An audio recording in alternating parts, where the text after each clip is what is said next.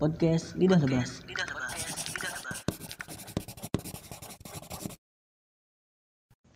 Bismillahirrahmanirrahim. Assalamualaikum warahmatullahi wabarakatuh. Hamdan wa syukran lillah wassalatu wassalamu ala rasulillah. Segala puji bagi Allah yang maha terpuji dan salawat serta salam kepada baginda Nabi Muhammad sallallahu alaihi wasallam yang dipuji oleh yang maha terpuji. Amma ba'du. Alhamdulillah pendengar sekalian, kali ini kita mendapatkan kesempatan lagi dari Allah Subhanahu wa taala untuk mengadakan podcast Lidah Lebah Production House yang kali ini berjudul Prank. Penting enggak? Rese iya. Baik pendengar, sebelumnya saya akan memperkenalkan diri terlebih dahulu. Perkenalkan, nama saya Jihad Setiawan Putra biasa dipanggil Jihad atau biasa juga memiliki nama pena Bang Awan. Saya mahasiswa Komunikasi Penyiaran Islam UIN Syarif Hidayatullah Jakarta semester 4 yang mana saya adalah kader LDKS Fidik tahun 2018 mulai pertama masuk dan juga saya sudah satu tahun lebih menjabat sebagai anggota Lidah Lebah Production House. Oke, jadi pada kesempatan podcast LPH kali ini kita akan membahas nih apa sih itu prank? Prank dalam kamus artinya kelakar, olok-olok, seloroh, sendagurau dalam bahasa Inggris to pray yang mana tujuannya adalah menipu atau mengibuli seseorang dengan tujuan mengerjai atau membuat sebuah lelucon. Seperti itu. Nah, dalam Islam, kira-kira prank itu boleh nggak ya? Apakah prank itu penting karena memberikan manfaat bagi orang yang menerima akan lebih senang? Atau malah membuat rese dan juga menimbulkan mudorot? Nah, kita akan tahu nih dari narasumber kita yang akan saya perkenalkan berikut ini. Nah, alhamdulillah narasumber yang luar biasa pun kali ini akan membersamai kita dalam podcast LLPH. Saya akan membacakan biodatanya. Nama lengkap Muzammil Fatah, tapi sangat anti dipanggil sebagai Mas Fatah gitu ya. Karena itu orang yang berbeda gitu. Pasti tidak marah kalau misalnya kita panggil Mas Fatah gitu ya. Nah, umurnya 20 tahun, statusnya sebagai mahasiswa manajemen dakwah Fakultas Fidikom, UIN Syarif Hidayatullah Jakarta. Di sini juga ditambahin statusnya dari beliau sendiri bahwa masih single seperti itu ya. Dan juga jabatannya di LDKS Fidik ini beliau sebagai Masul LDKS Fidikom 2020 seperti itu ya. Ya, kita akan dengarkan ulasan mengenai prank. Penting enggak, rese iya. Menurut perspektif dan juga diskusi kita bersama pada kesempatan kali ini. Semoga akan membawakan podcast terbaik bagi pendengar sekalian yang ada di mana pun dan di alam mana pun. Podcast Lidah Lebas.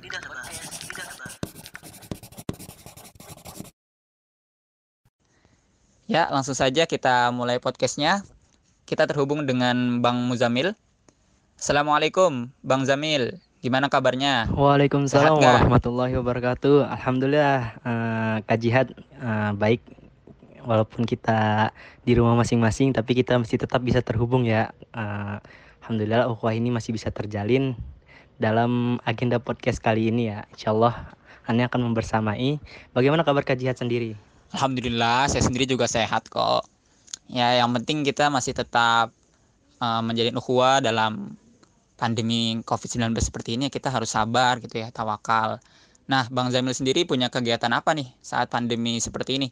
Ada kesibukan lain nggak? Seperti di organisasi atau mungkin urus rumah tangga gitu?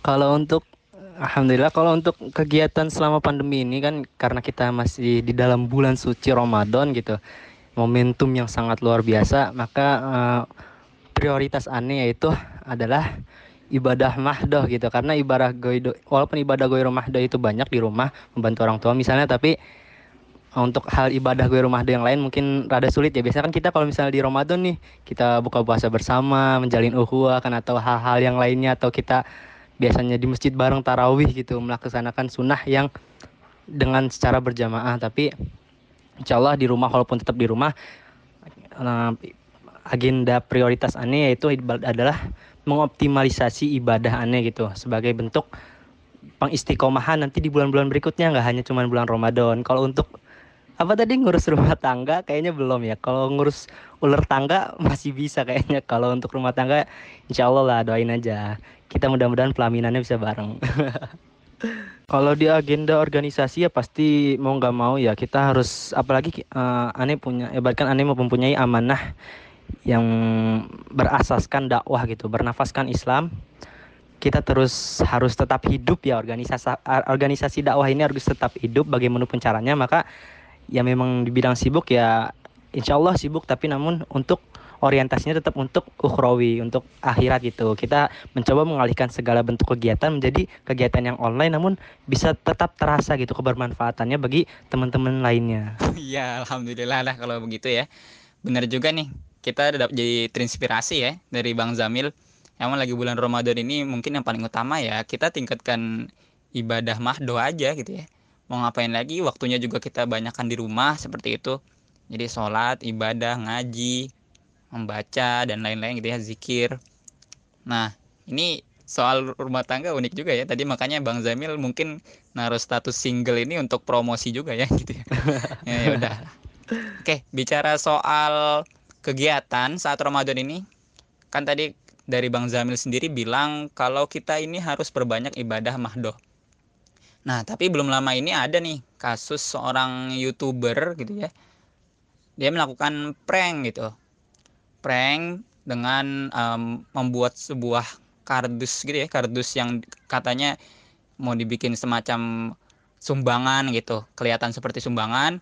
Lalu dia naik mobil sama teman-temannya sambil direkam gitu bikin video untuk konten YouTube Lalu sembako yang isinya sampah itu malah dikasih kepada orang-orang yang lewat seperti anak-anak, waria juga bahkan katanya ada orang tua juga.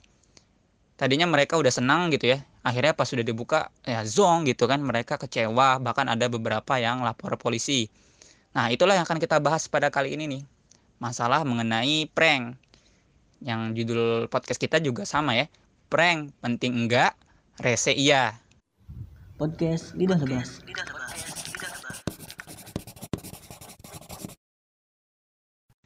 Ya, bismillah kita langsung mulai saja ke inti dari diskusi podcast LPH kali ini tentang prank ini sendiri dalam perspektif Islam gitu ya. Eh, Bang Zamil, bagaimana hukum dari prank dalam agama Islam? Apakah ada dalil-dalil yang melarangnya atau bagaimana gitu?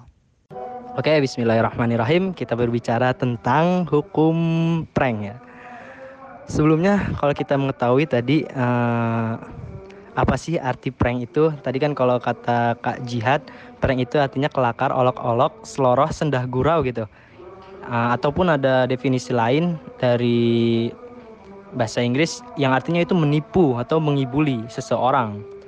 Tapi ada kalimat yang unik nih kalau kita lihat dari artinya yaitu senda gurau atau bercanda yang bisa kita sebut. Nah kalau dalam Islam bercanda itu bisa dibagi menjadi dua yaitu bercanda yang diperbolehkan dan bercanda yang tidak diperbolehkan. Bagaimana bercanda yang diperbolehkan? Bercanda yang diperbolehkan itu tidak mengandung unsur dusta, tidak menyakiti hati orang lain, dan berbicara sesuai dengan fakta.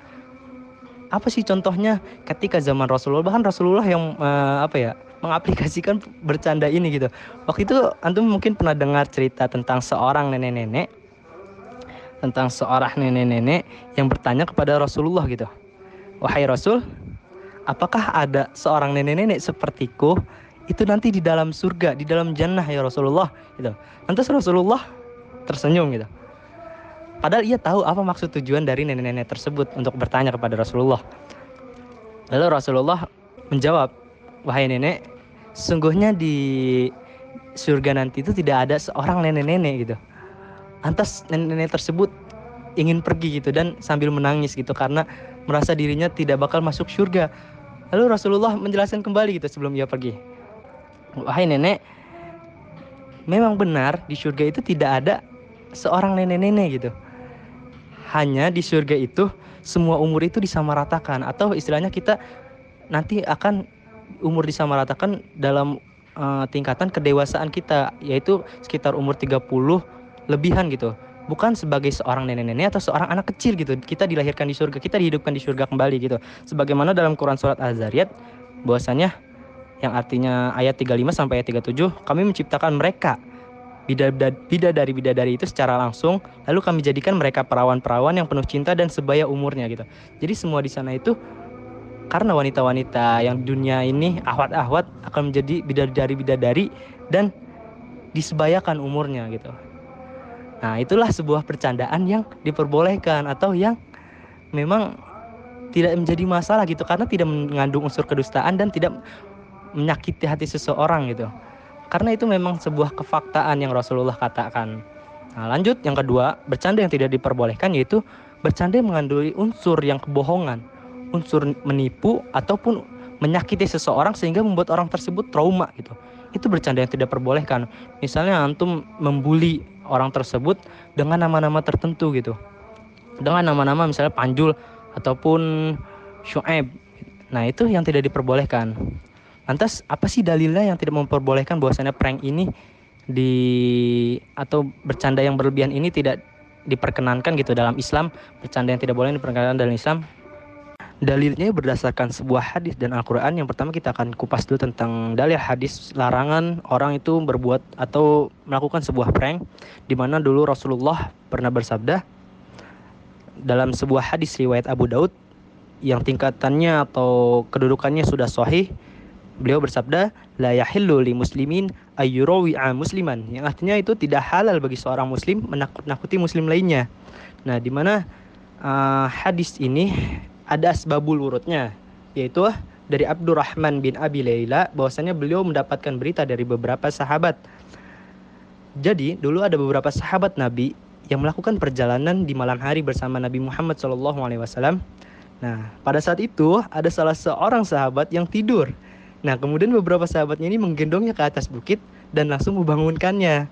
Sehingga membuat orang yang tertidur ini kaget. Akhirnya para sahabatnya pun tertawa. Lantas kemudian Nabi uh, bersabda bahwasanya tidak halal bagi seorang muslim nakut-nakuti muslim yang lainnya gitu. Jadi inilah sebuah pelajaran gitu.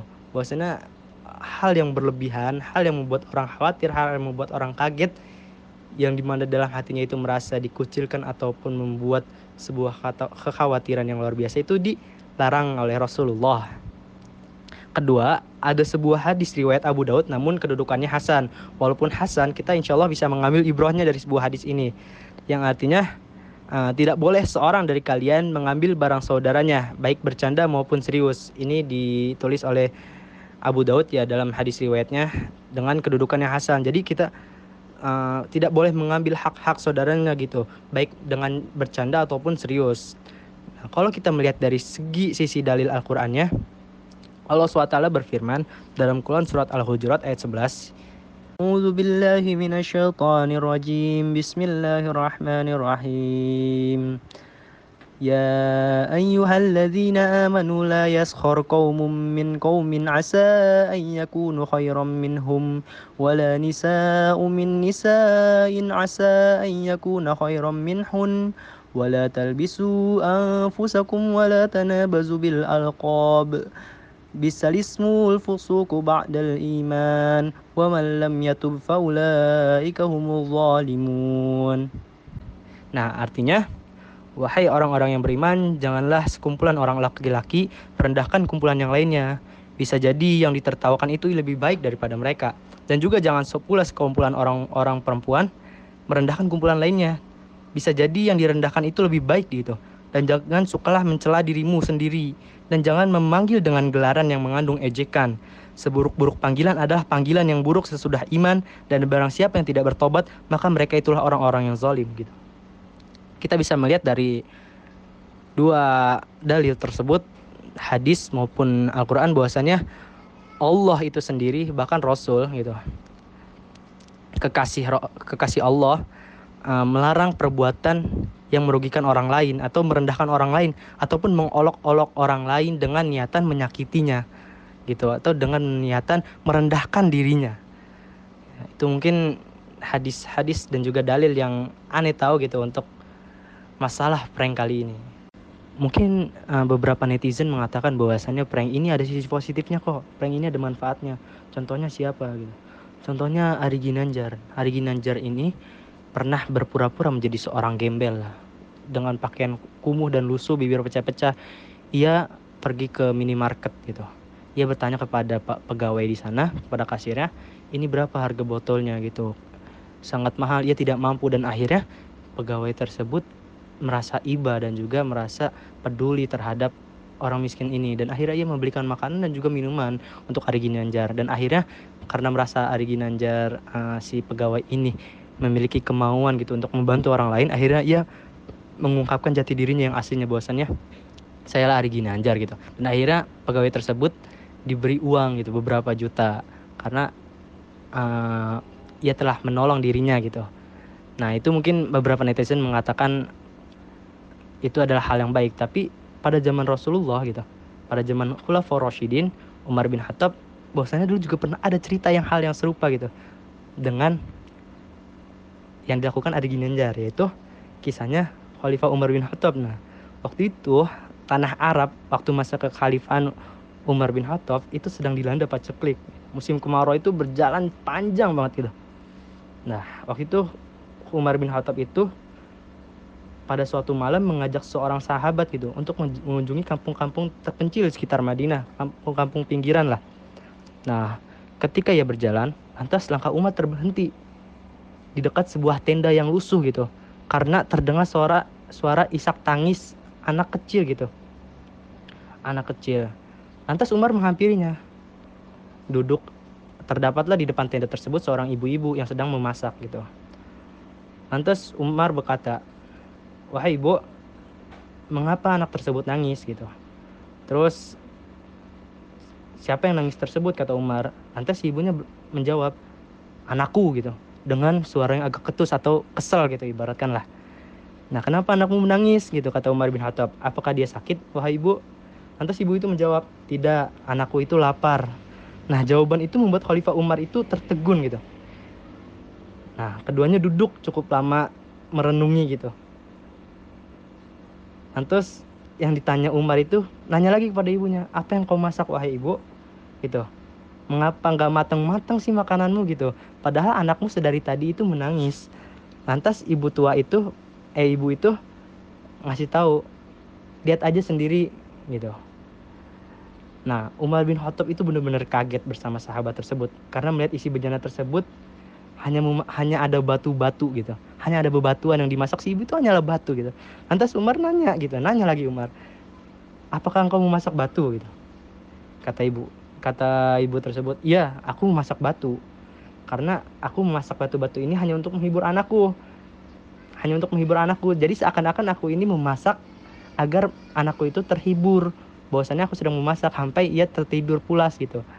Dan ia lupa dengan rasa laparnya. Lantas si ibu itu berkata inilah kejahatan khalifah gitu. Umar bin Khattab gitu. Dia tidak mau melihat ke bawah apakah kebutuhan rakyatnya itu terpenuhi atau belum? Ibu itu belum sadar bahwasan di sampingnya itu ialah Amirul Mukminin yaitu Umar bin Khattab.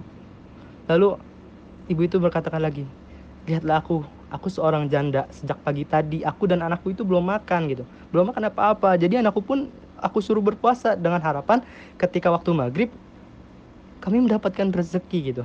Namun ternyata tidak. Allah belum mengasih kami rezeki. Sudah maghrib tiba makanan pun belum juga ada. Anakku terus menangis merengek merasa lapar dan aku pun mengumpulkan batu-batu agar ia terhibur seakan-akan aku sudah mendapatkan rezeki dan aku sedang memasaknya. Ternyata ternyata tidak juga gitu. Lantas uh, Umar bin Khattab bergegas pergi gitu ke Baitul Mal dan mengambil sekarung gandum tanpa memperdulikan rasa lelahnya karena ia telah habis berjalan-jalan sekitar Madinah melihat masyarakatnya di tengah paceklik itu lantas Umar mengangkat sendiri gandum itu dari kota Madinah ke pinggiran kota Madinah tadinya sahabat itu yang ingin menggendong gitu. Gandum tersebut wahai Umar biarlah aku saja yang menggendong gandum tersebut. Tapi kata Umar apakah kau ingin? Gitu. Apakah kau ingin menggantikan aku di yaumil akhir atas tanggung jawabku membiarkan rakyatku itu lapar? Lantas sahabat itu tertegun dan akhirnya diam. Sampai di sana akhirnya Umar Umar bin Khattab memberikan se, se, uh, se sekarung gandum dan akhirnya dimasak bersama sahabatnya bersama anak-anaknya bersama ibunya dan tidak lapar lagi. Lantas uh, Umar bin Khattab merasa lebih tenang dan ibu itu berkata wahai pemuda gitu. Wahai bapak lah Umar bin Khattab itu umur udah tua bukan pemuda. Wahai bapak kau sesungguhnya lebih baik daripada khalifah gitu. Lantas kata bapak tersebut wahai ibu besok kau temuilah khalifah di istana itu atau di kediamannya gitu. Dan akhirnya si ibu tersebut mengiyakan. Dan akhirnya ibu tersebut besoknya datang gitu ke tempat Amirul Mukminin ke kediamannya Amirul Mukminin gitu. Betapa kagetnya si ibu tersebut melihat sosok Amirul Mukminin. Ialah orang yang kemarin membawakannya gandum gitu. Nah lantas ibu itu berkata bahasanya Amirul Mukminin aku minta maaf. Aku telah menyumpahi kata-kata zolim kepada engkau. Aku siap dihukum kata ibu tersebut. Tidak wahai ibu kata Umar bin Khattab, bola akulah yang bersalah. Aku berdosa membiarkanmu seorang ibu dan anak kelaparan di wilayah kekuasaanku. Nah gitulah. Uh, mungkin itu hampir sama ya. Analoginya hampir sama bahwasanya ia tidak mengetahui keduanya bahwa Sinten itu adalah Amirul Mukminin dan juga Ari Ginanjar gitu. Tapi oke okay lah kalau misalnya menurut beberapa netizen bahwasanya itu adalah nilai yang positif, maka tidak dipermasalahkan. Tapi yang takutnya yang menjadi mudorot adalah bagaimana ia ada beberapa youtuber yang ingin mencoba meniru Adi Adi Ginanjar gitu. Bagaimana jika seorang karyawan tersebut itu ternyata mempunyai perbuatan tercela, ia malah mengusir, menendang ataupun mengolok-olok Adi Ginanjar yang tadi uh, berpakaian seolah-olah orang lusuh gitu. Bagaimana akhirnya orang tersebut dimasukkan ke dalam kontennya Ari Ginanjar. Bagaimana jika jika terjadi hal-hal tersebut gitu? Nah, yang ditakutkan dalam prank adalah hal-hal tersebut, hal-hal yang tidak kita inginkan gitu. Tapi kalau misalnya banyak mungkin sekarang orang yang tidak percaya dengan prank karena kita melihat bahwasannya oh prank ini adalah sebuah settingan gitu. Ini sudah diatur sebelumnya jadi tidak ada unsur sakit hati. Tapi tetap saja apakah ia rela dirinya dipermalukan di depan halayak umum gitu para ibaratkan apakah ia rela gitu. Kan tidak gitu. Maka yang harus kita hindari adalah sebuah hal yang ketidaksia-siaan gitu. Maka kalau antum ingin membantu seseorang maka bantulah secara jelas gitu. Tidak perlu dijadikan melalui hal-hal prank. Karena kita tidak tahu apa yang akan terjadi selanjutnya kalau kita melalui uh, melewati hal-hal prank gitu. Kita mungkin niatnya baik gitu untuk memberikan makanan bagi para ojol mungkin niat kita baik untuk membantu para ojol di tengah pandemi atau mungkin niat kita baik untuk membantu orang-orang miskin tapi tidak dengan cara mempermalukan mereka terlebih dahulu gitu. Karena ibadah ini sesungguhnya dilihat nilai kesahannya atau tidak yang pertama itu niatnya. Kalau niatnya benar niat dan caranya. Kalau niatnya benar caranya salah itulah yang uh, tidak diperbolehkan. Ataupun juga niatnya salah caranya benar itu juga tidak diperkenankan jadi harus benar dua-duanya niatnya benar caranya juga benar gitu maka teman-teman ikhwati fillah rahimakumullah jauhilah hal-hal yang itu lebih banyak mudorotnya daripada kebaikannya dan juga kebermanfaatannya Oke, jadi seperti itu ya Bang Zamil. Mungkin kalau kita bisa tarik kesimpulan adalah kalau kita mau berbuat sesuatu, utamakan menghindari mudorot dan banyak mengambil manfaat. Jangan sampai kita ingin mengambil manfaat tapi ternyata pada proses pemberian manfaat itu malah banyak mengundang banyak mudorot. Seperti contohnya prank-prank yang malah menyakiti orang yang ingin diberikan manfaat seperti itu ya. Nah, selanjutnya pertanyaannya yang akan kita diskusikan mungkin jadi kan kita di era modern ya, pasti banyak sekali entertain hiburan-hiburan yang beredar di masyarakat Salah satunya ada fasilitas bernama YouTube di mana orang-orang ingin terkenal dan juga sekaligus mungkin ada yang berniat untuk memelopori perbuatan baik secara viral. Nah, salah satu cara membuat viral itu kan membuat konten yang menarik gitu ya. Tapi masyarakat Indonesia tuh memang lebih suka hal yang menarik itu yang seperti itu gitu loh.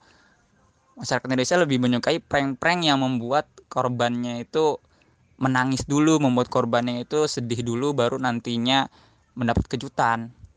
Nah menurut Bang Zamil bagaimana nih kita biar bisa bijak membuat konten terutama sesuai syariah namun tetap bisa viral? Karena kalau kita misalnya buat konten yang data datar aja kan nggak laku juga di pasaran gitu ya. Nah bagaimana Bang Zamil? Baik Kak Jihad, terima kasih atas kesimpulannya. Oke, selanjutnya uh, kalau kita lihat sebelum sebelumnya kita lihat pandangan Islam mengenai hiburan ini, maka hukum hiburan adalah mubah ya atau game atau hal-hal lainnya yang berbau dengan suatu yang menyenangkan atau hiburan. Nah, kenapa mubah? Karena di mubah ini tidak ada larangan dan juga tidak ada perintah gitu. Ya, yang kedua, hiburan ini bisa membawa kepada nilai kebaikan dan juga nilai keburukan gitu. Jadi ada dua sisi yang berbeda. Nah, nilai keburukannya apa sih? Nilai keburukannya yaitu ketika kita terlalu sering melihat hal-hal yang membuat hati kita senang itu terkadang kita membuat lalai gitu. Lalai dalam segala apa pun dalam uh, memenuhi hak-hak Allah, dalam memenuhi hak-haknya manusia, dalam membantu orang tua dan lain-lain gitu. Tapi kebaikannya apa? Dan di sisi lain kebaikannya itu dalam hiburan tersebut banyak orang-orang uh, pembuat ya atau konten kreator dalam dunia hiburan itu memberikan nilai-nilai informasi ataupun nilai-nilai pengetahuan. Bahkan banyak lagi gitu. Selain cuma hanya hiburan semata. Oke okay lah, kalau kita lihat konten-konten YouTube mungkin sekarang gitu yang terkenal seperti Deddy Kobuzer ia memberikan sebuah wawasan bagi para masyarakat, bagi para smart people, bagi para penontonnya gimana isu yang sedang terjadi pada masa kini dia dibahas dalam podcastnya melalui diskusi dengan orang-orang golongan-golongan mana pun yang berkaitan dengan isu tersebut gitu yang ibaratnya para ahlinya lah. Nah di situ Deddy Kobuzer membuka wawasan kita gitu agar lebih terbuka. Bahkan itu saking bermanfaatnya itu membawa ke kebermanfaatan bagi dirinya sendiri gitu. Bahkan membawa hidayah yang tadinya ia diskusi dengan Gus Miftah mengenai agama Islam mengenai Gus Miftah kenapa berani berdakwah di karaoke karaoke atau hiburan malam akhirnya itu membawa hidayah bagi Deddy Kobuser sendiri untuk masuk Islam. Nah itu bagaimana mungkin gitu dunia hiburan itu jadi lebih membawa manfaat gitu. Di sisi lain ada keburukannya. Nah yang kedua mungkin uh, yang lain kalau misalnya antum pengen lihat spek antum pengen beli HP ya handphone antum ingin tahu spek-speknya nah mungkin antum bisa lihat akun YouTube-nya si David gitu di gadgetin gitu. Nah dia ini suka mereview gitu.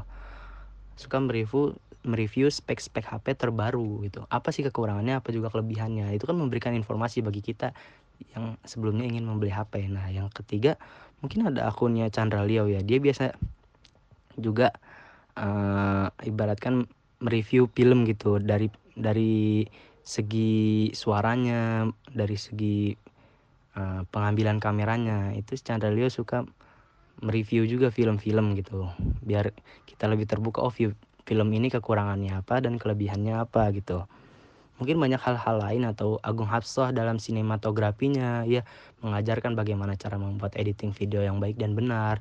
Itu kan pasti membawa kebermanfaatan nilai kebermanfaatan. Atau kalau antum ingin melihat murotal gitu dalam dunia YouTube itu juga ada gitu di Amar TV itu para kori-kori terkenal kayak uh, Rizal Wahid Muzamil Hasbullah dan lain-lain gitu kan nggak selamanya dunia YouTube itu membawa keburukan Nah, apakah kita harus melakukan hal-hal viral agar view kita banyak? Sebenarnya menurut aneh itu benar-benar nggak perlu kita mencari hal-hal yang viral gitu. Karena apa? Kalau kita membuat konten viral, apakah nanti bulan-bulan berikutnya konten kita itu akan uh, disukai orang lagi karena nilai viral? Karena kalau menurut aneh, viral itu hanya ya cukup pekan ini saja gitu. Nggak harus nggak selanjutnya itu jadi kurang menarik menurut aneh. Kalau kita tapi yang harus dilakukan oleh para konten kreator yaitu mempertahankan ciri khasnya gitu mempertahankan ciri khasnya masing-masing yang telah dia bangun dari awal gitu ibaratkan kalau si Deddy Kobuzer gitu melalui diskusi-diskusinya di podcastnya tiba-tiba ia membuat nilai um, ingin membuat sesuatu yang viral seperti prank ojol. Kan itu nggak menarik gitu. Itu kan membuat orang-orang bingung lah kenapa biasanya tadinya diskusi atau membuat prank ojol itu kan jadi hal yang dipertanyakan gitu. Jadi nggak ciri khasnya tuh jadi hilang gitu. Biasanya dengan diskusinya sekarang jadi dengan prank-pranknya kan gitu kurang menarik kalau menurut aneh. Itu sih menurut aneh tidak harus mengikuti zaman apalagi kasus viral ini merugikan orang lain gitu. Lebih baik mempertahankan ciri khas yang telah kita bangun dari awal gitu bagi para konten kreator. Hmm, ya benar juga ya kata Bang Zamil nih ya. Jadi kalau kita mau membuat sebuah konten agar konten kita viral ya tidak mesti harus dengan cara-cara konyol yang merugikan orang lain. Karena masih banyak kok uh, para konten kreator lain di luar sana yang membuat konten itu bermanfaat dan ternyata bisa viral gitu bisa trending banyak yang banyak views banyak viewsnya gitu ya. Nah jadi terakhir aja nih kita bahas sama Bang Zamil. Kira-kira dari kejadian prankster yang belakangan ini hikmah apa nih yang bisa kita ambil sebagai seorang mahasiswa? Apalagi kita kan seumuran segini biasanya suka banget ya bikin konten di media sosial. Itu gimana cara kita uh, membuat sebuah konten itu yang bijak gitu dari hikmah pelajaran ini juga sebagai masyarakat bagaimana hikmah kita dalam menyikapi kejadian seperti ini respon kita itu harus seperti apa gitu apakah kita ikut mencaci maki si prankster yang seperti itu atau bagaimana? Ya, Taib, Alhamdulillah. Mungkin ini masuk pertanyaan terakhir ya, karena kita dari tadi Insya Allah sudah berbincang cukup lama mengenai uh, segelintir prank orang-orang yang tidak memberikan manfaat malah membuat rese ya sesuai dengan tema. Oke mungkin belakangan-belakangan ini kita tahu bahwasannya banyak konten-konten kreator dari YouTube yang membuat sensasi dunia per YouTubean atau dunia media dunia nyata uh, yaitu pranknya si Ferdinand Paleka gitu. Nah dia kan apa namanya mencoba. Uh, bukan mencoba sih bahasanya tapi dia ini menjahili gitu. Orang-orang yang berada di luar malam-malam gitu. Banci orang tua anak-anak gitu yang sedang berkeliaran malam-malam. Ia berpura-pura ngasih sembako padahal isinya adalah sampah. Perbuatan keji macam apa itu? Mungkin dia di salah satu videonya mengatakan bahwasannya dia mempunyai alasan itu sebagai bentuk uh, apa ya namanya nyindir mereka gitu. Kenapa mereka tidak mengikuti PSBB pemerintah? Itu menurut yang diucapkan oleh si Ferdinand Paleka ini, aneh ngutipnya dari melihat dari juga video dari Kobuzer bahwasannya dia juga berdalih gitu bahwasannya ya membantu pemerintah gitu untuk menyadarkan masyarakat bahwasannya PSBB ini harus benar-benar diterapkan. Ya tapi mana kita tahu gitu kan. Apakah dengan cara seperti itu kita memberikan sosialisasi kepada masyarakat dengan menjahilinya gitu, dengan merendahkan dirinya. Orang yang tadinya sudah senang dikasih sembako, ternyata dalamnya sampah gitu. Dia tidak berperi kemanusiaan dan juga tidak berperi kebencian gitu. Bukan berperi kebencian ya, ya maksudnya nggak ada aja gitu unsur kemanusiaan dalam hatinya oke lah itu mungkin salah satu kesalahannya dari Frank Ferdinand yaitu mungkin memang wallahualam ya niatnya memang dia sudah benar untuk membantu pemerintah tapi caranya salah gitu. Dan apalagi ia memasukin konten tersebut ke dalam YouTube agar bisa dilihat orang banyak. Ya bagaimana netizen tidak geram gitu. Nah kita ambil dari hikmah Ferdinand Paleka ini bahwasannya kalau antum ingin memang ingin berniat baik maka dilakukanlah dengan cara-cara yang baik dan jika antum ingin melakukan sesuatu yang baik, maka niatkanlah terlebih dahulu agar cara tersebut bisa menjadi lebih baik gitu. Oke, yang kedua, terus ada juga kita ngambil dari hikmah pranknya Hasan JR gitu. Aneh sempat ada rasa apa ya namanya? Kecewa gitu dengan Hasan JR. Beliau kan dulu pranknya tentang ngegombalin bule lah istirahatkan. Ibaratkan memang kontennya itu ngegombalin bule terus gitu dengan bahasa Inggrisnya dia gitu. Dengan gaya berbicara bahasa Inggrisnya dia. Tapi akhir-akhir ini ia malah ngikutin trending zaman yang tidak sepatutnya untuk ditiru yaitu prank. Apalagi di tengah Ramadan dia pernah bikin konten bahwasanya uh, prank dikasih uang berapa juta agar orang tersebut mau buka puasa gitu. Setan macam apa yang menggoda sampai melakukan hal-hal yang nyata gitu. Mungkin ini bentuk minal jinnati wan gitu. Jin yang berwujud manusia ya mungkin aneh sempat kesel gitu dengan hal-hal tersebut. Buat apa sih gitu mengganggu keimanan seseorang mengganggu ibadah seseorang? Agar ibarat kan antum dikasih sembako antum konversi agama gitu. Itu kasar banget gitu menurut aneh. Nah itu gak bisa dibiarkan gitu.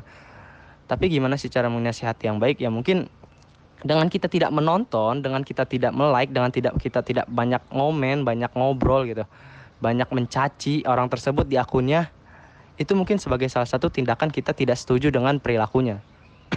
Cukuplah kita uh, mengingatkan teman-teman di sekitar kita, bahwasanya udah nggak usah kita caci lagi orang ini. Bahkan kalau kita caci gitu terus-terusan di media sosial atau di YouTube-nya di kontennya, dia bahkan lebih seneng gitu, karena banyak yang lihat dan juga banyak yang ngomen walaupun komentar itu buruk gitu banyak yang seneng malahan gitu malah si pemilik akun itu tersebut malah seneng gitu. Maka ya kita hindari komenan kita hindari view gitu. Agar ia pun akhirnya jerah gitu. Ketika dia membuat konten yang tidak seharusnya oh rating saya turun gitu. Maka dia mudah-mudahan bisa mengintrospeksi diri gitu. Atau mungkin kalau aneh sebagai konten kreator gitu misalnya sudah terkenal mungkin Ani bisa panggil beliau untuk kita diskusi bareng gitu. Perihal kontennya. Kalau Ani memang orang terkenal juga sama seperti orang-orang yang melakukan penyelewengan tersebut gitu. Misal kalau ada di Kobuzer bisa manggil Ferdinand Paleka kalau misalnya sudah bebas untuk diajak diskusi bareng mengenai perbuatannya. Oke lah kita tidak perlu banyak mencaci. Kalau kita mencaci kita sama saja seperti orang yang melakukan tersebut gitu. Apa apa bedanya gitu? Nggak ada jauhnya. Kita mencaci toh dia juga mencaci orang lain kita juga mencaci dia gitu. Sama-sama mencaci gitu maka yang dilakukan hendaknya seorang muslim adalah uh, mulai apa ya? Kalau kita ingin meningkatkan kualitas uh, diri kita dengan video-video YouTube yang akan kita upload agar kita menjadi konten kreator yang terkenal maka mulailah kita membuat konten kreator dengan niat yang baik dan cara yang baik gitu. Jadi teman-teman walaupun banyak hal negatif dari YouTube tapi insya Allah aneh yakin pasti banyak juga hal-hal positifnya. Kita bisa ngambil manfaatnya tapi juga jauhi mudorotnya gitu. Kita jauhi mudorotnya dan kita dekati manfaatnya. Mungkin menurut Anies seperti itu. Apalagi eh, satu lagi pembahasan Ferdinand Valeka ini sudah masuk ke sel penjara ya. Namun di dari sel penjara itu ia juga malah di videoin gitu. Aneh juga merasa khawatir merasa kasihan sih gitu sebagai manusia sebagai sesama manusia lah. Uh, merasa khawatir dia di videoin dengan kondisi yang tidak baik lah. Atau seperti dilecehkan juga di dalam penjaranya. Mungkin itu hal yang salah ya.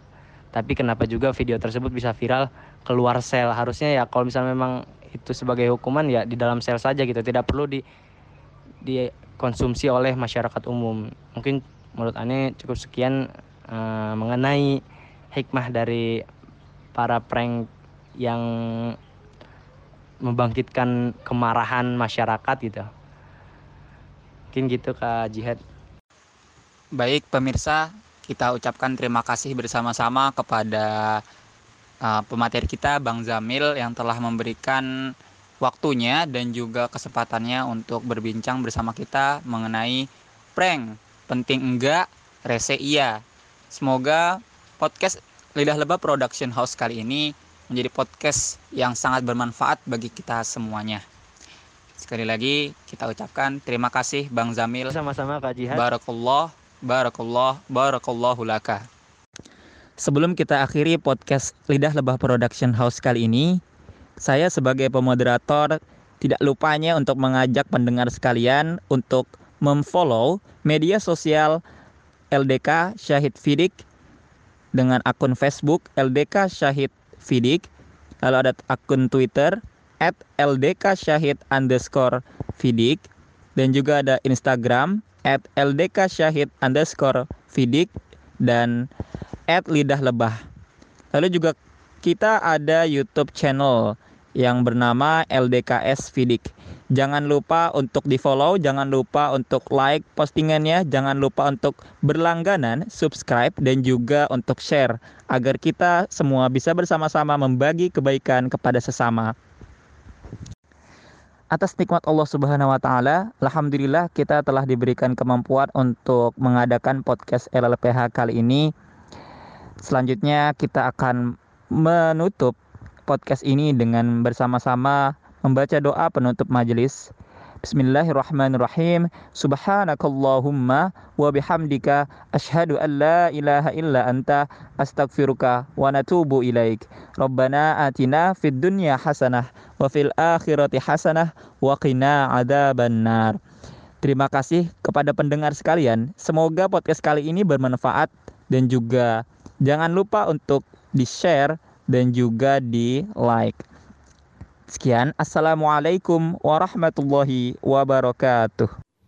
Podcast Lidah Lebas.